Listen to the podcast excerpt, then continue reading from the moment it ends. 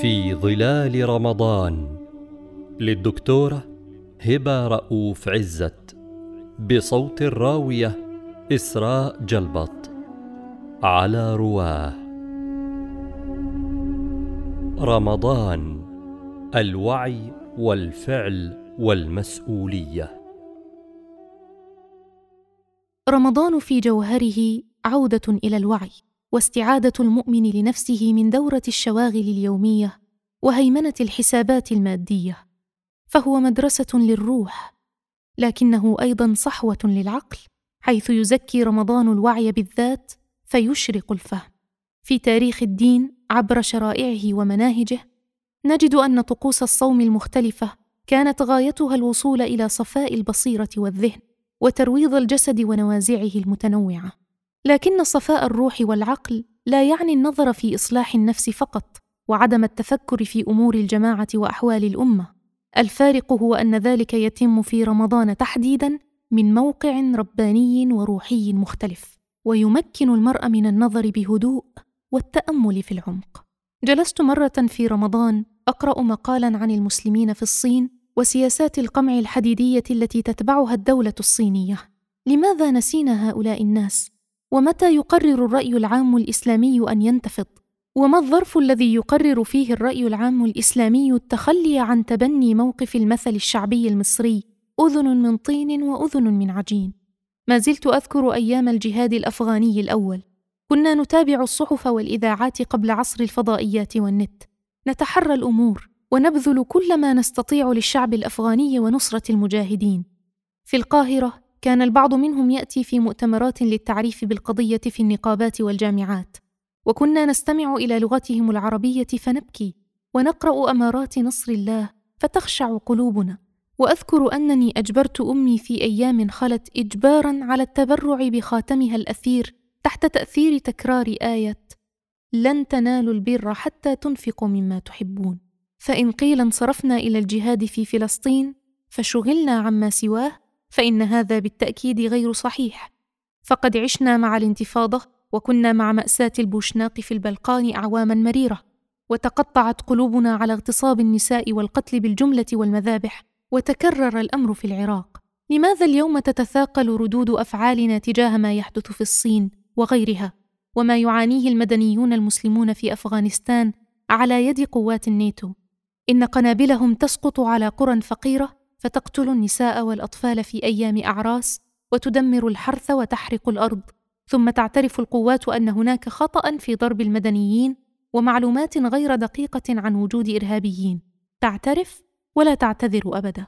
لماذا انحصر همنا في فلسطين وكأن العراق مفقود فيه الأمل؟ على الرغم من أن أحوال العراق لا تنفصل عن تحرير فلسطين وعلى الرغم من أن الأمة لا تستطيع أن تقاطع المنتجات الصينية. وتزايد على مقاطعة المنتجات الدنماركية هي أمة تعاني خللا في تقدير المصالح والأولويات. ولا ترى مآل هيمنة يأجوج ومأجوج على العالم. تلك الهيمنة التي لا تعرف القيم التي عرفها قلب العالم. ظاهرها قيم الانسجام وباطنها قبضة شرسة لدولة تتحكم في المجتمع. وتسحق إنسانيته. وتدير سوق عمل كبرى تغرق العالم بمنتجاتها. وتسير بخطى حثيثة إلى تصدر النظام الدولي. نسينا في خضم متابعة محاولات السلطة الفلسطينية أن نذكر إخوتنا في كشمير ولم نستطع نحن أن ندفع بحلول سلمية للحكم الذاتي تحفظ لهم بقاءهم من دون أن تخلق كيانا جديدا هشا على الرغم من أن لدينا من أدوات الضغط الكثير وخاصة في دول الخليج العربي لكن الأولويات مختلفة والقبلة ليست هناك. لا قبلة السياسة ولا قبلة القلوب ويشعر المرء أحيانا أن الأمر تديره آلة الإعلام والمسألة لها علاقة بتوجهنا إلى الشمال. نتابع أقليات المسلمين في الغرب ولا ندري شيئا عن أقلياتهم في الجنوب والشرق. رؤيتنا للأمة التي ينبغي أن نبصرها كرقعة واحدة تفتتت وتقسمت بل وتشرذمت. نبحث عن السياحة في بلاد الشمال أو يهرول بعض الذين يظلمون أنفسهم إلى أسواق المتعة في الشرق. ولكن أحدا لا يضع قائمة بالدول ذات الأقليات الإسلامية فيقصدها ليشد من أزرهم ويتابع أحوالهم في بلغاريا أو حتى في جنوب إفريقيا. وقليل هم من يذهبون إلى دول الأغلبية الإسلامية في الشمال الشرقي هناك حيث طشقند وأخواتها. في شهر الصوم كما في الحج يتجدد الشعور بمعنى الأمة. لذا نحتاج إلى أن نستشعر مسؤوليتنا تجاه كل ركن فيها ونتابع أخبارها وأحوالها بدلا من متابعة أخبار الطلاق والجنون والموت في دوائر هوليوود التي يهتم بها معظم جرائد العرب. ما يتجدد في رمضان أيضا هو هم الإنسانية بمعناها الواسع. فرمضان يربط المؤمن بالكون كله ويجدد صلته بالله رب العالمين. فيشعر بالدور الذي يتحمله تجاه العالم وليس فقط تجاه الأمة وما أعظمها من أمانة وشهادة. في دار الإسلام نبسط الموائد وندعو عابر السبيل. فلماذا لا نبسط موائدنا في رمضان في كل بقاع الأرض وندعو الناس إلى طعامنا قربى لله وتربية للقلوب ورحمة بالخلائق؟ رمضان شهر العفو. فلماذا لا نطلق فيه مبادرات التعاون على البر والتقوى والعدالة؟ وتكون فيه حملات المنظمات الإسلامية المناهضة للتعذيب والاعتقال وانتهاك حقوق الإنسان.